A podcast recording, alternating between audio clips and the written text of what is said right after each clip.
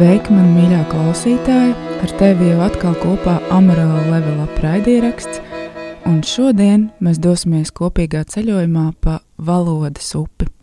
Un mūsu kapteinis būs sieviete, spēcīga personība, valodniece, tulkotāja, pasniedzēja un raidierakstu pieturzīmes vadītāja Aiga Veckalna.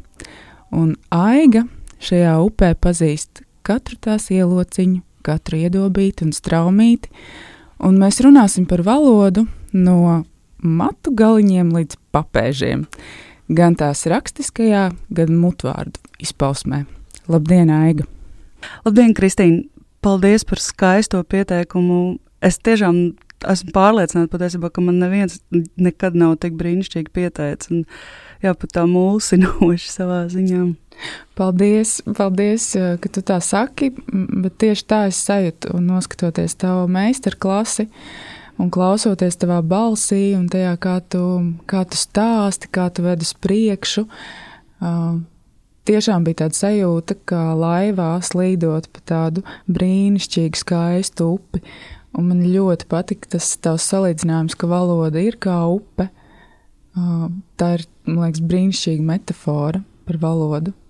Jā, tā patiesi man šis um, Kārļa Milenbacha teiciens arī ļoti tuvs. Es to arī ļoti bieži izmantoju, un es arī pati tā, tā to izjūtu. Izjūtu par valodu un, un par to, kā tā, kā tā plūst kā tā vienlaikus mainās, kā tā nu, nekad nevar atkal iekāpt vienā upē. Un, jā. Bet īpaši prieks, ko tu teici arī, arī par manu balsi, jo, jo īpaši to dzirdēt no tevis, jā, tavs darbs ir lielā mērā balss arī uz skatuves. Un, un man atkal tas ceļš pie manas balss bija gana, gana ilgs. Un, un pagāja laiks, kamēr es to, es to pieņēmu. Un man ļoti patīk arī tāds salīdzinājums, ka balss ir kā, kā otra seja. Nu, tāpēc arī mūsdienu digitālajā laikmetā, kad mēs daudz runājam par to, ka jābūt mm, datoram, internetu pieslēgumam, tehniskajam nodrošinājumam, kā austiņas, mikrofons un tā tālāk, manuprāt, ir ļoti svarīgi un nedrīkst aizmirst par, par balsi. Jā. Valodas kultūru. Šie, šie abi aspekti ir vienlīdz svarīgi kā labs interneta pieslēgums. Es pilnīgi piekrītu, bet arī valoda un balss, valoda ir nu, arī valoda, bet balss viņa, uh, viņa mēdz mainīties. Viņa mainās, un, jo es esmu piefiksējis pati sev, ka dažkārt tā balss ir kaut kāda tāda spiedzīga un aiziet uz augšu. Tas arī kaut kādā ziņā ļoti atkarīgs no tā emocionālā Jā. stāvokļa, kurā, kurā mēs atrodamies. Uh, Tā ka var ar, ar, caur balsi var arī pieķert kādreiz, vai ne? Noteikti. Nodreb balss ir taču tāds, jā, no, jā, notrīs balss. Kāpēc ir svarīgi kopt savu valodu? Nu, tā ir tikpat nozīmīga daļa no mūsu personības, no mūsu tēla, kā jebkas cits. Mēs ļoti daudz uzmanības, nu, varbūt ne visi, bet lielākā daļa cilvēku pievērš apģērbam, vispār ārējām izskatam, matu sakārtojumam. Ja, piemēram, mēs gatavojamies kādam video ierakstam vai, vai fotosesijai, mēs taču vienmēr ne, mums ir grima māksliniece un stiliste un tā tālāk. Bet tikpat svarīgi patiesībā arī ir valoda, kā mēs runājam, ko mēs pasakām, kā mēs domājam un, un iejūtamies savu klausītāju ādā vai savu lasītāju ādā. Tā kā arī valoda ir, ir ļoti liela daļa no mūsu, mūsu tēla un patiesībā daudz ko par mums pasaka. Tas, kā mēs runājam, pēc jebkuras vēstules vai pēc jebkura nu, pietiekama gara teksta, var daudz pateikt par cilvēku emocionālo inteligenci, viņa intelektuālajām spējām, iejūtību noteikti, un prasmi strādāt ar tekstu, strādāt ar valodu. Kā valoda patiesībā jā, ir ļoti, ļoti daudz par mums pasaka un ļoti nozīmīga. Tu savā meistarklasē uh, mini tādu uh, terminu, ja tā var teikt, uh, iekļaujošā runa. Mm -hmm. uh, varbūt pastāst mazliet vairāk. Uh, Jā, iekļaujošā runa, iekļaujošā valoda. Šobrīd ir aktuāls, uh, jā, tas ir termins, tas ir aktuāls jēdziens uh, vispār rietumu pasaulē. mm, jo īpaši Amerikas Savienotajās valstīs, arī Lielbritānijā, bet ne tikai arī Eiropas Savienībā. Un tā ir valoda, kas nediskriminē, kas um, nenoliek pirmajā vietā diagnozi, vai rasi, vai, vai dzīmumu. Nu, pieņemsim tāds tipisks piemērs, par ko Latvija arī tiek šķēpi lausti. Joprojām, diemžēl, ir cilvēks ar invaliditāti. Mm -hmm. Un, asociācijām, kas apvieno cilvēkus ar invaliditāti, viņiem patiesībā bija ilgi mm, jācīnās un jāpanāk, lai tieši šāds termins tiktu iekļauts tiesību aktos. Nevis termins invalīds. Mm -hmm. Un kāpēc? Jo pirmajā vietā vajadzēja būt cilvēkam. Ja, tad cilvēks ar invaliditāti, ar autismu, ar, ar citu diagnozi, nevis autists, jā, jā. vai vēžinieks, vai kaut kā tā. Un tas pats attiecas arī uz, protams, ap, rases apzīmējumiem, tautību apzīmējumiem. Un tā kā iekļaujošā valoda ir tam dēļ nepieciešama, lai mēs nediskriminētu. Protams, ka tur jāskatās ļoti rūpīgi, lai, lai nepārkāptu smalko robežu, kur paliek tāda nu, nevajadzīga valodas birokratizācija, kur mēs, piemēram, sakām, nu, nevis melot, sakām, bet sniegt nepatiesu informāciju. Jā. Nu, tas varbūt jau par traku, bet tur, kur tas attiecas uz cilvēku un iespējamo diskrimināciju, tur, protams, šī iekļaujošā valoda ir ļoti svarīga. Tad runa ir par cieņu. Jā, tieši tā. Cieņu tieši tā. par cilvēku. Jā. Jo, protams, ja, ja, ja tu saki invalīds vai cilvēks ar invaliditāti, tad tas jau ausī tas izklausās Jā. ļoti atšķirīgi. Jā. Um, kā tu, kādas ir tavas attiecības ar valodu? Tavas personīgās attiecības šobrīd ar valodu, kā tu viņas raksturotu? Ļoti labs jautājums. Nekad neesmu domājis tādā, mm, tādā jomā, un uh, noteikti labas. Es domāju, varbūt pat tik labas kā, kā nekad, jo kopā ar balsi es pagājušajā gadā uh, pieņēmu arī to, kā es rakstu. Man kādreiz bija liels grūtības, un es zinu, tas izklausās neticami visiem cilvēkiem, kuri mani pazīst, ka man bija ļoti grūti rakstīt. Un tas iekšējais kritiķis ir tik milzīgs, ka es pat nevaru uzrakstīt trīs vārdus eh, publiski. Es apšaubu sevi. Un man ļoti patīk tulkot, man ļoti patīk korrigēt, jo tā nesmu es es palīdzu citu cilvēku tekstam tapt labākam vai nu, parādīties latviešu valodā. Bet pašai rakstīt man ar vienu bija ļoti grūti. Tāpēc, kāpēc saka, šogad tās attiecības tik labas kā nekad, es esmu, es esmu sākusi rakstīt, un es ļaujos tam procesam, un es cenšos ievērot to ļoti labo principu un ieteikumu, ka slēgt iekšējo kritiķu ārā līdz zināmam brīdim. Rakstīt, rakstīt, rakstīt, ļauties tam radošajam procesam, un tikai tad mēs ieslēdzam to tiesnesi, to, to kritiķi. Uh, bet mans ceļš pie valodas ir diezgan ilgs, uh, jo tas sākās jau bērnībā. Uh, mēs ģimenē bijām divvalodīgi, divvalodīgi runājuši ģimene. Manā māte runāja krieviski, jo viņa bija lietuviete, kas tolaik vēl nebija labi apguvusi latviešu valodu, un tēvs latviešu. Un uh, abās valodās mēs runājām līdz pat uh, tēva nāvei, un kas, un viņš nomira tieši tad, kad man bija jāiet pirmajā klasē. Mm. Un viņiem ar māmu bija vienošanās, ka nu, mani laidīs latviešu skolā, jo tēvs tad man palīdzēs. Nu, tēta vairs nebija, man nebija kam palīdzēt. Ar māmu mēs runājām krieviski, un tie pirmie gadi ar latviešu valodu skolā bija tiešām grūti. Man atstāja pēc stundām, un tas man lika rakstīt visu laiku vienu to pašu vārdu - vanna. Uh, Jūs acīm redzat, ne, nu, ar vienu N to rakstīju stundās, nu, un es rakstīju to vanna, vanna, vanna. Un tas mainījās, kad nomainījās latviešu valodas skolotāja, un, un skolotāja Solveig Grīga bija, bija brīnišķīga. Viņa acīm redzot pamanīja, ka es daudz lasu, ka mani interesē teksti, un es tiešām daudz lasīju. Un viņa ļāva man nu, tai upē plūst un tam, tam talantam attīstīties. Un ar grāmatām, grāmatām, jo es arī iemācījos to gramatiku un, un visu citu.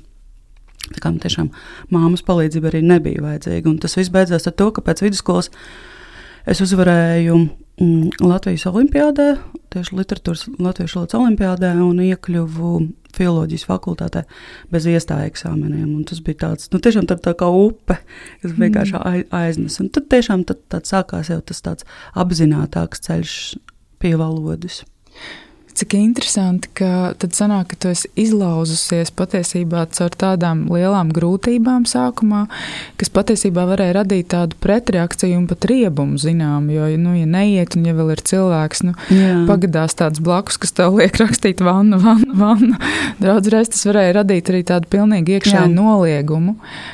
Un, uh, tas, ko es sadzirdēju, un kas man liekas ir ļoti svarīgi, ka pēc tam bija tas tas otrs cilvēks, kas Jā. atbalstīja. Un tas, eh, es esmu par to daudz domājis, ka cik svarīgi ir, ka kaut viens cilvēks notic un uh, ierauga. Un tas pat var nebūt ģimenes loceklis, tas var nebūt uh, tēvs vai māma, bet skolotājs, un ka viņš ierauga to talantu tajā bērnā vai, vai vēlāk vienalga cilvēkā, Jā. un, un uh, cik tas daudz var iedot. Jo varētu ceļš aiziet pilnīgi savādāk. Jā, tieši tā. Būtu bijusi tā pirmā skolotāja visu laiku, Jā. kas to zina, vai ne? Jā. Tā ir. Ja tā vajadzētu mm, iedot metaforu savām attiecībām ar valodu, kāda tā būtu metafora?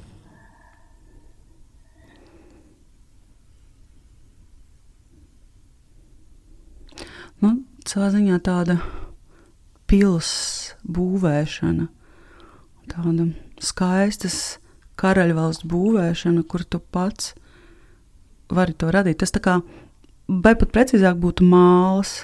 Mm. Tas tā kā keramiķis paņem to mālu, mm, lielāku vai mazāku to gabalu un izveido no tā kaut ko skaistu, brīnišķīgu viņa, viņa radīt. Un, un es valodu arī izjūtu kā tādu mālu.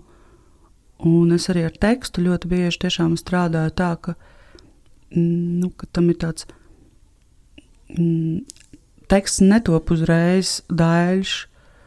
Tu no tā sākumā izveido kaut kādu formu, tad tu tur pieslīpē, tur pieslīpē, tad nopulē to krūzīti, jā, vai vēl kaut, varbūt kaut kur pieliec kādu, nezinu, iespēju kādu smildziņu vai ne, lai tur ir kaut kāds raksts. Laikam, jā, māls būtu tā tā precīzākā metāfora.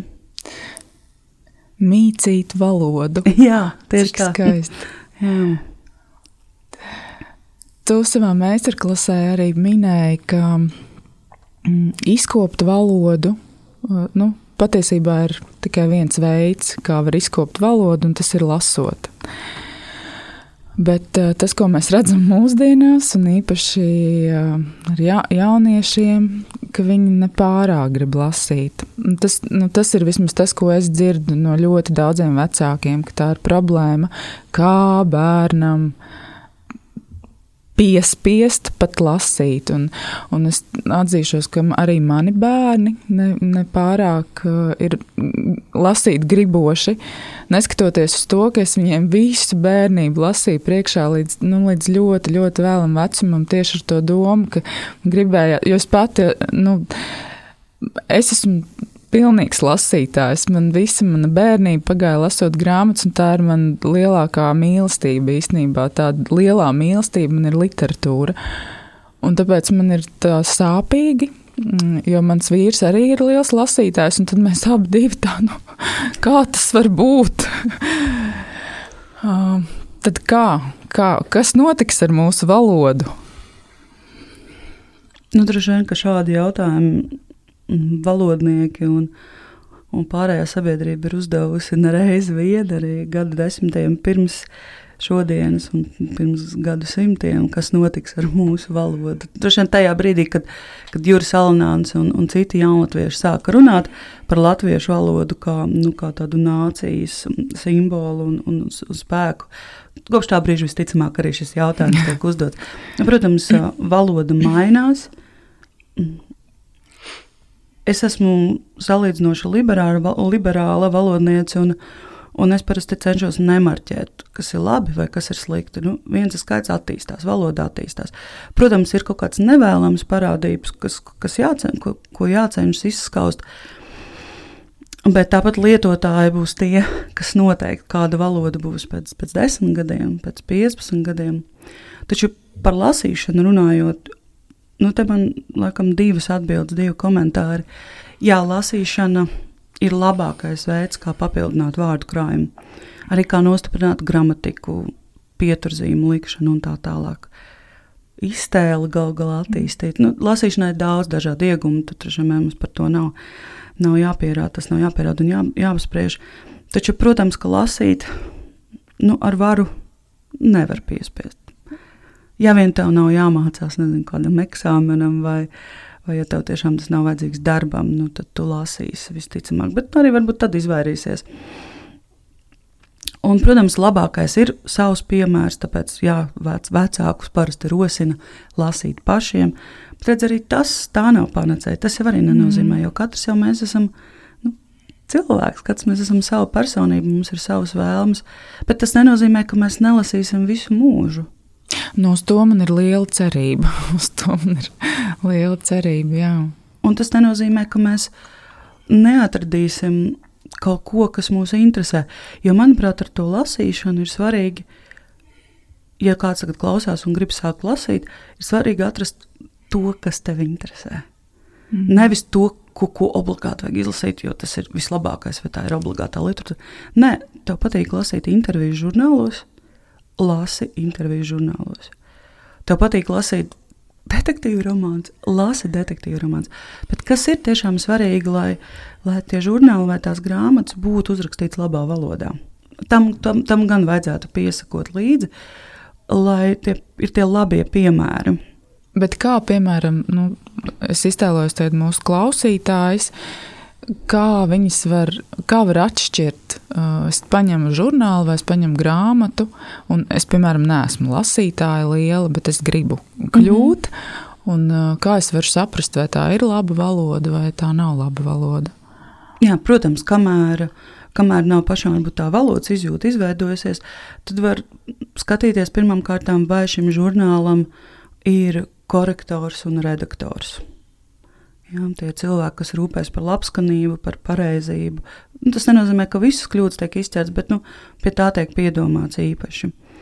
Uh, var noteikti jautāt citiem um, par grāmatām runājot, piemēram, Instagram, Facebook. Ir vairāki tā dēvētie grāmatu blogeri, mm. jā, bookstagrammeri, angļu valodā. Un Viņiem var sekot, viņu ieteikumus var lasīt, un viņi parasti tā arī norāda gan par valodas kvalitāti, gan par tulkojumu kvalitāti. Var arī Google pajautāt.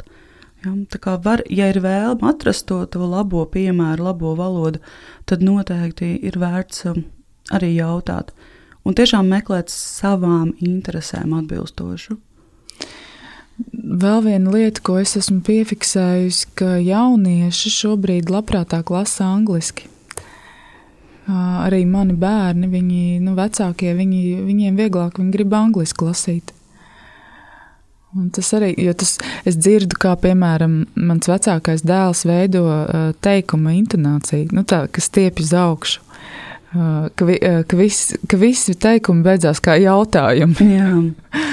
Un tas nāk no angļu valodas. Un ko ar to darīt? Tev būs mīlēt raini, tev būs mīlēt lasīt latviešu valodā? Jā. Nu, ar to lasīšanu angļu valodā, es domāju, tas nav tikai jauniešiem. Tas tiešām ir arī manu vecumu un vecākiem cilvēkiem. Arī tas ir atkarīgs no tā, vai literatūra viņu nozarē un tā, kas viņus interesē, ir pieejama latviešu valodā. Vispār, vai daudzi jau saka, ka viņiem tad ir vieglāk. Nu, tur ir dažādi iemesli, kas ir attaisnojami, kas varbūt nav attais, attaisnojami. Bet, eh, protams, tas ir viens no lielākajiem draudiem latviešu valodā, tieši angļu valodas ietekme. Ja padomju laikā, kad bija liela krievu valodas ietekme, joprojām kaut kādas konstrukcijas saglabājušās, tad mēs bijām nu, ļoti satraukušies par latviešu valodu. Un, tā kā tā krievu valoda bija tāds tā savā veidā ārējais ienaidnieks, pret kuru mēs visi centāmies stāties pretim. Un nedrīkst aizmirst arī, ka tad, padomju laikos, visās izdevniecībās bija milzīgs korektoru un redaktoru štats. Nu, šobrīd tā nav. Finansiāla apsvēruma dēļ daudzās mm. izdevniecībās varbūt ir tikai daži vai nemaz korektori, tāpat arī kaut kādās internetu portālos un tā tālāk. Un tāpēc tā valoda bieži vien netiek nu, uzpulēta un, un padarīta skaistāka pirms tā nonāk pie lasītājiem. Un, bet ar angļu valodu mums nav šādas nostājas pret. Mēs to nejūtam kā ienaidnieku, mēs to drīzāk jūtam kā, nu, kā sabiedroto, kā draugu, kā, kā avotu. Un, vispirms tie ir vārdi, ko mēs pārņemam Un mūs, mūs, mūsdienu runā ir ļoti daudz no angļu valodas pārņemtu vārdu. Feedback, mītiņi, viss vis kaut kas tur. Bieži ir tā, ka teikumā ir, nu, ir, ir daži latviešu vārdi, un pārējie ir ang jā, angļu valodā. Jā, tieši tā. Jo tas ir viss, tas ir pirmais slānis, kas ienāk. Un, ja mēs nedomājam, kā ir latviešu, jo latviešu valodā ir vārds, vienmēr var atrast vārdu, bet ir jāpadomā. Un tad mums nāk um, teikuma konstrukcijas, jā, intonācijas. Un tas viss, protams, ir ļoti, ļoti skumji, jo mēs to nejūtam, neredzam, un arī tas tiek pārnests rakstos. Arī kad mēs rakstām, jau parādās tāds vārdu pārnesumi, tāds vārdu kārtība. Par to ir jādomā. Vienīgais veids, kā to novērst, kā latviešu valodu nu, saglabāt ilgāk, tās unikalitāti, tās neparastumu ir domāt, runājot un rakstot. Bet tas nav viegli, protams. Bet vispār tas ir nu, veselīgi. Jā, dažreiz arī padomāt, pirms runāt. Bet patiesībā vēl viena lieta, kas, kas priekš manis bija tāda atklāsme, klausoties tavu meistarklasi, ka caur valodu piedomājot par savu valodu, patiesībā es arī uh, attīstu savu apziņotību, es kļūstu apzinātāka. Un uh, mūsdienās ļoti ir moderni runāt par apziņotību, uh, tāpēc šis, šī arī var būt tāda tehnika patiesībā, ka domājot par savu valodu, runājot, veidojot vārdu, teikumu, uh, es to varu darīt apzināti un kļūt apzinātāks. Jā, noteikti. Un tad arī atradīsies tie vārdi, īstie vārdi, un tad arī būs daudz vieglāk šo valodu izmantot kā, nu, kā tādu noderīgu rīku, kā tādu līdzekli, lai, lai panāktu, lai atrisinātu kaut ko. Jā man gribas arī aizskart tādu tēmu, kā, mm, jo mēs runājām par iekļaujošo valodu, bet tas, ko pieņemsim, var redzēt īpaši virtuālajā mm, vidē, kas ir rakstītais vārds, tad tur ir ļoti daudz neiecietības, ļoti daudz naida. Un ir pat nu, ir nepatīkami. Un, man, Tas mans viedoklis ir tāds, ka tas lielā mērā ir saistīts ar iespēju anonīmi komentēt daudz ko, jo tad tā nav jāuzņemās atbildība. Un tur ir, es atvainojos, patiešām tāda verbālā caureja. Uh, es domāju, tas tiešām viss mūsos ir tik lielos apmēros, vai, vai kā tu to komentētu?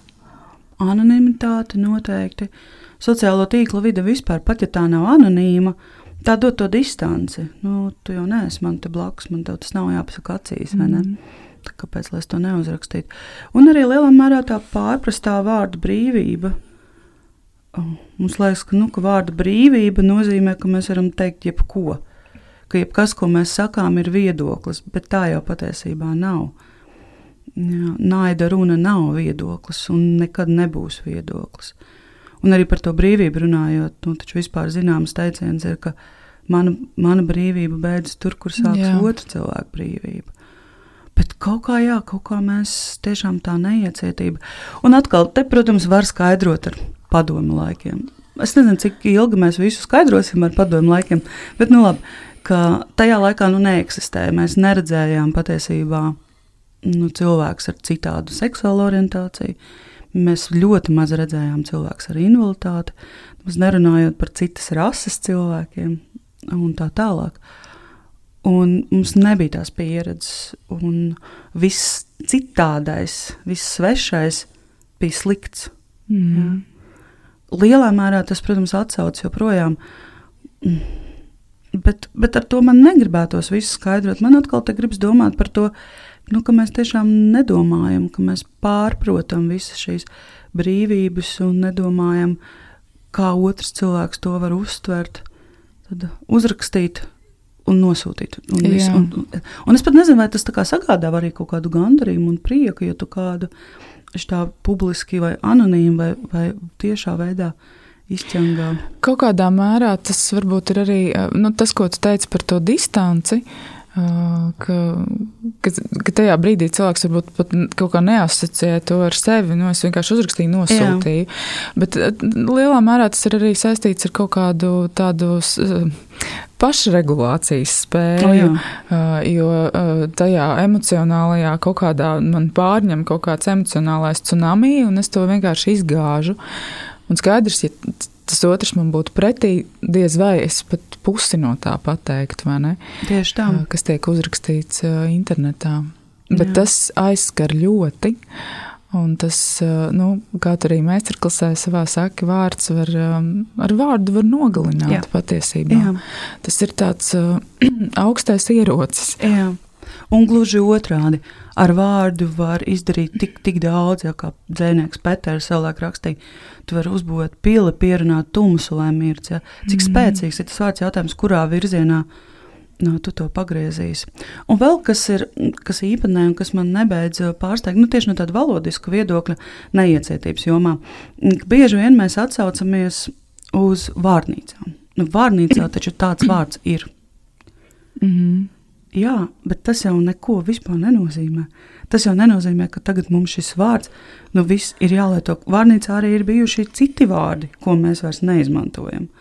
Jo, manuprāt, primāri ir nevis tas, kas rakstīts vārnīcā, bet kā pati mērķa grupa, par kuru mēs runājam, vēlas, lai viņa tiek saukta. Ja?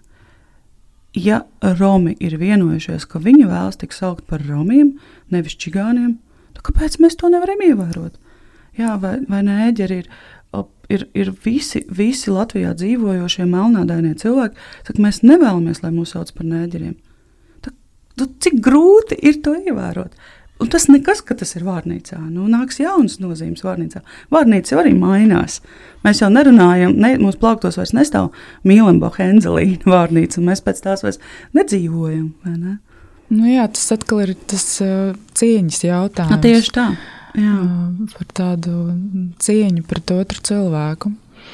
Bet tie ir tādi tiešām liela, tās, tās li, tādas lielas tēmas, bet tā neiecietība jau izpaužās arī tādā nu, pilnīgos Jā. sīkumos, kur vienkārši mans viedoklis nesaskan ar otru cilvēku viedokli, un es esmu gatava viņu virtuāli vienkārši iznīcināt.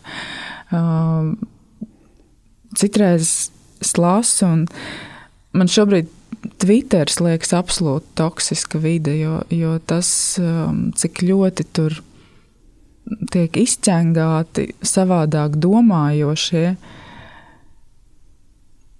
man, man, ir, man ir grūti to saprast. Man ir grūti, jo es tur neredzu cieņu nemaz. Jā, tā ir. Ir uh, komunikācijā runā par tādiem jēdzieniem kā uh, vardarbīgā un nevardarbīgā komunikācija to nevardarb, nevardarbīgās komunikācijas pamatu savulaik lika tāds amerikāņu psihologs Māršals. Un, un bieži vien tieši internetā tu sāk par to runāt, un es atcerējos, ka šī vardarbīgā komunikācija parādās tādās šķietami nevainīgās uh, teicienos, bet kas patiesībā ir tāda pasīva agresīva. Nu, piemēram, es jau negribu nevienu aizvainot, Jā. bet Jā. es jau negribu pamācīt, bet Mm. Uh, vai, piemēram, tu pasaki kaut ko rīktīgi, nu, tādu nepatīkamu, un beigās, lai jums jauka diena. Ir kā šķiet, ka nu, tu pateiksi kaut ko nepatīkamu, un tā jaukā diena tā atrisinās visu un padarīs to iejūtīgu. Un, vis, un visi šie tiklīdz mēs gribam kādu, vai tiklīdz mēs rakstam vārdu vajadzētu, ja, tad tur skaidrs, ka tur arī mēs ejam šīs vardarbīgās komunikācijas virzienā. Ja kaut vai tā Un mums pašiem šķiet, ka mēs tādu viedokli izsakām vai palīdzam, bet patiesībā nē. Ja? Tā tiešām ir tāda nu, pasīva agresija lielā mērā. Jā, un diemžēl ar to mēs saskaramies ik uz stūra mūsdienās. Tā tas ir. Uh, man likās ļoti interesanti, ko tu minēji savā meistarklasē, ka, um, ka vajag būt kompaktam un ne, neveidot ļoti garus teikumus, arī rakstot, piemēram. Un tad es, jo es tikko beidzu psiholoģijas bakalaurus, un uh, visi pētnieciskie darbi. Es atceros, ka es sāku lasīt, un viņa kā likums viss ir angļu valodā, bet tas teikums sākās. Un viņš beidzās, man tāds sajūta pēc kilometra. Un tu jau esi pazaudējis Jā. domu, un īsnībā zinātniskajā literatūrā ir tieši pretēji. Uh, ka, ka tas teikums ir bezgalīgi, bezgalīgi garš, un tur ir uh, viss tas, ko tu teici, ko nevajadzētu. Tas viss ir tur tik samudžināts. Un, uh, un sākumā es atceros, ka mēs ar kursu biedriem ir, kāpēc nevar vienkāršāk uzrakstīt, bet tā ir, tā, tā ir atkal tā valodas kultūra. Vai tas ir kaut kas, kas ir vēl saglabājies no seniem laikiem, un to vajadzētu mainīt? Kāds ir tavs viedoklis? Jā, ļoti labs jautājums.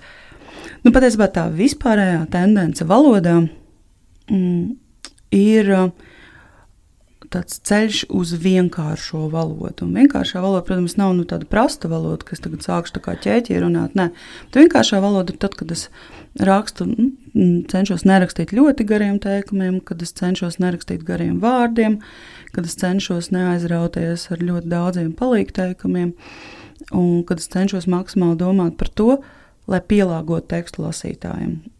Un šī vienkāršā valoda ir ļoti vajadzīga patiesībā it visur, kur mēs kaut ko rakstām. Tostarp arī dokumentos, jā, arī juridiskajā valodā, un arī valsts pārvaldes iestādes arvien biežāk sagatavo šos norādījumus, kas kā, palīdz un veicina rakstīt kodolīgāk, saprotamāk, skaidrāk. Un arī zinātniskajā stilā patiesībā ir vēlams arī neaizrauties ar ļoti gariem teikumiem, ar, um, ciešamo kārtu, tad tiek pētīts, tiek uzskatīts ar ļoti sarežģītām mm, konstrukcijām, neskaidrām, neloģiskām. Jā, protams, zinātniskais teksts savā ziņā paģēra nu, nedaudz sarežģītāku izteiksmi. Lielākoties tāpēc, ka tur ir termini, mm. Tur varbūt tiek skaidrotas, tiek izvirzītas hipotēzes, tas tiek skaidrots un tā tālāk. Bet tas nenozīmē, ka ir jāraksta sarežģīti. Tas nav pašmērķis. Daudz to vienkārši pārprot. Un daudziem liekas, ka, nu, ja tas ir zinātnisks teksts, tad man jāraksta ļoti sarežģīti. Nē, tevis kā zinātnieka interesēs ir, lai tavu tekstu lasītājs saprastu. Mm. Un arī mūsdienās notiek tāda, mm, tāda attīstās tāda joma kā zinātniskā komunikācija, kur zinātniekus un pētniekus māca komunicēt skaidrāk, komunicēt par saviem pētījumiem tā, lai saprotu arī plašāka sabiedrība, lai nevis tikai to lasa tas, kuram tas ir nepieciešams bakalaura vai maģistra vai doktora darbam. Mm. Tā kā arī tur notiek šīs izmaiņas.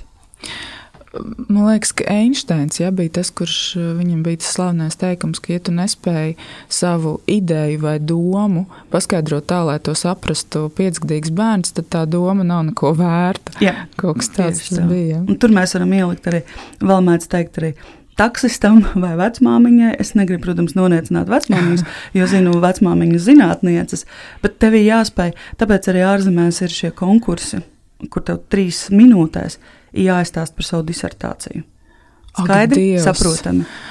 Kā to var izdarīt? Jā, tieši tā. Kā to var izdarīt? Un tās ir prasmes, kas zinātniekam un pētniekam noder tieši tāpat, kā lifta runa, piemēram, noder uzņēmējiem. Klau, šis man uzvedināja. Um, es atcerējos, uh, tu stāstīji meistarklasē par to, ka katram vajadzētu sagatavot tādu 30 sekundžu prezentāciju par sevi. Um, jo tas var palīdzēt daudzās situācijās. Kā tu pati sevi noprezentētu 30 sekundēs?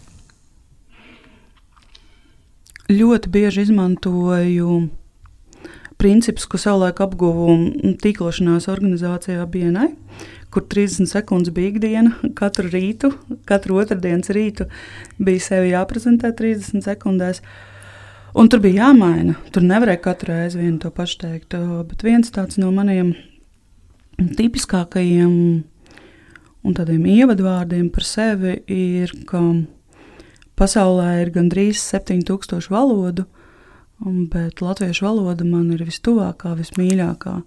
Tā ir mana profesija, mana aizraušanās, mana izglītība, un ar prieku palīdzu tekstiem tapt skaistākiem, un nav lielāka gandarījuma, ja redzu labi uzrakstītu tekstu, runu vai ierakstītu sarunu. Tas, tas ir viens no, viens no tādiem nu, nedaudz improvizēts, ko, ko es esmu izmantojusi. Un tas tiešām ir, ir vērts domāt par to, kādu ieguvumu tu dod citiem, kā tu vari palīdzēt, un ir vērts arī iedot kaut kādu nu, faktu vai stāstu, lai tas nav tikai nu, diena, esmu Aiga Veckalne, valodniece. Nu, jo katram tas rada vai nerada vispār nekādas asociācijas. Jo ar vārdiem ir interesanti.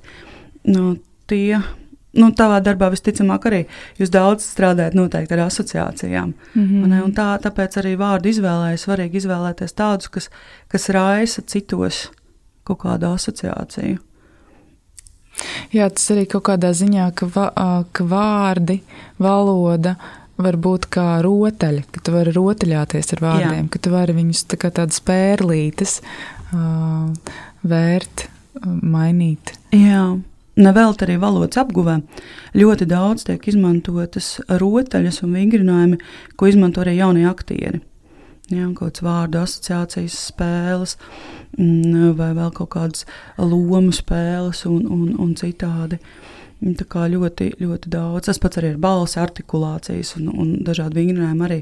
Jo man uh, ļoti bieži palīdzējusi valodas mācīšanā brīnišķīgā runas pedagoģa Laura Čāpela, kas ir arī mm, režisore un arī aktrise.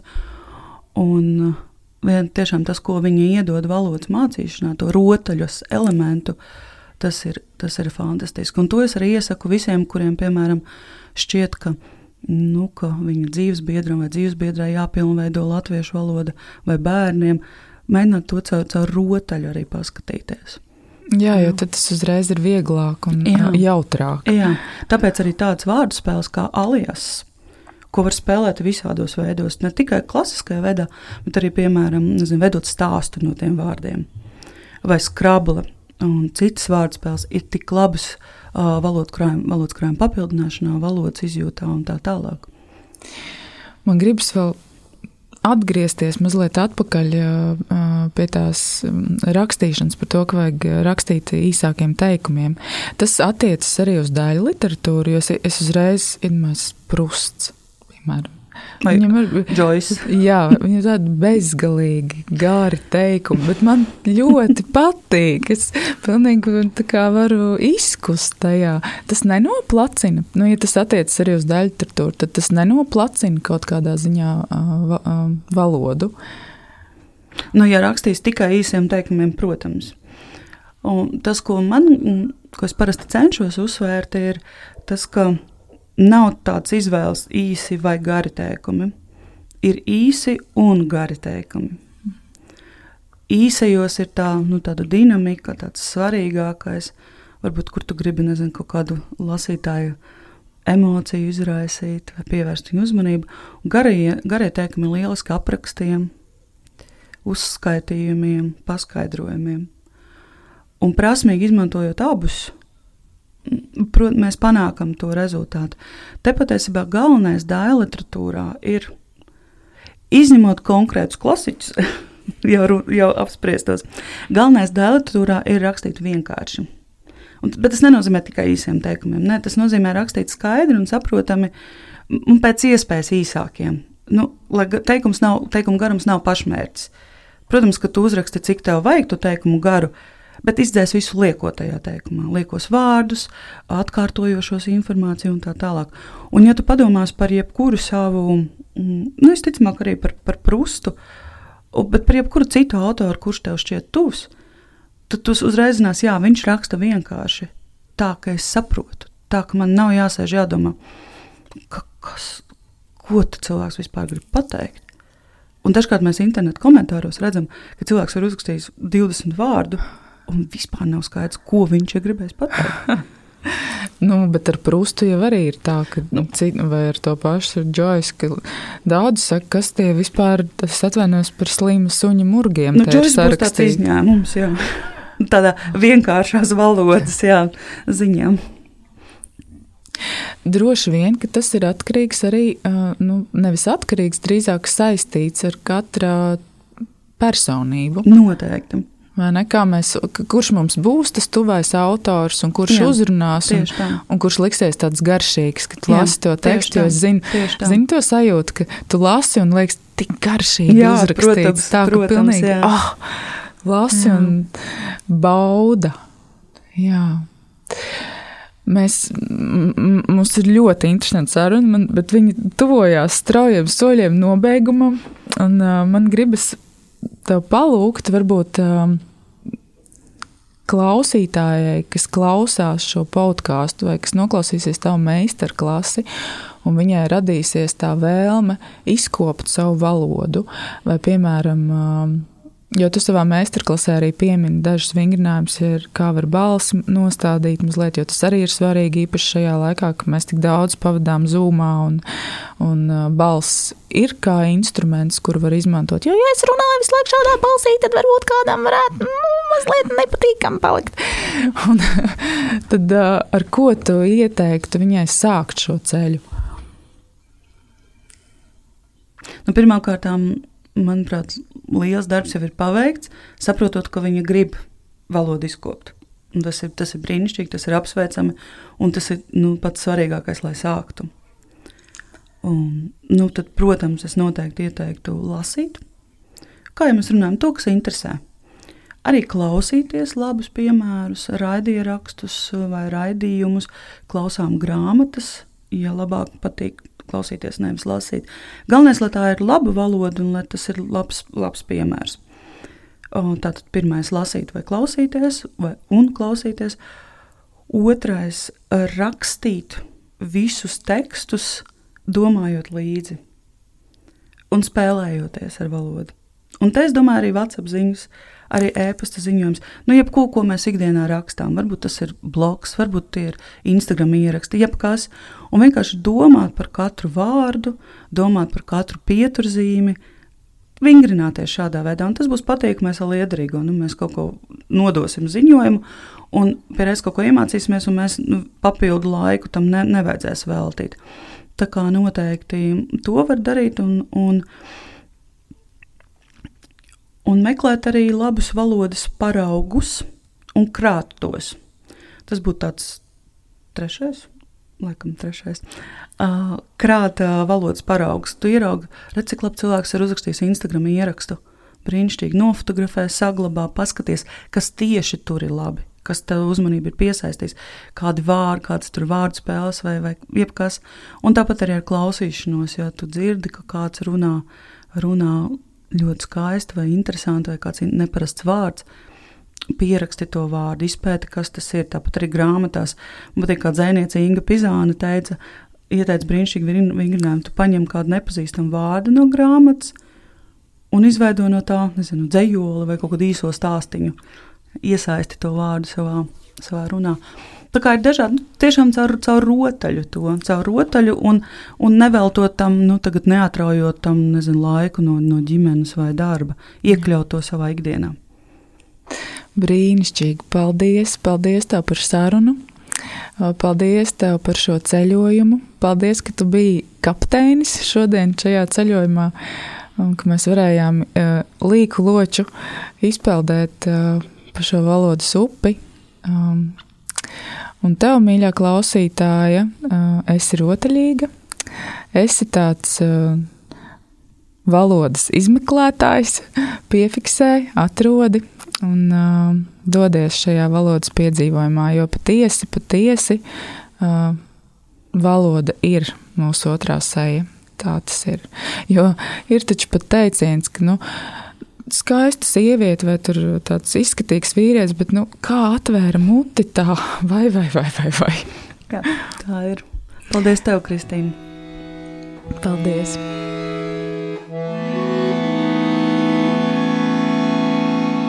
Paldies, ka klausījāties, un atgādinu, ka arī citas amorāla level up sarunas ir klausāmas Apple podkāsts, Spotify un amorāla level up mājaslapā.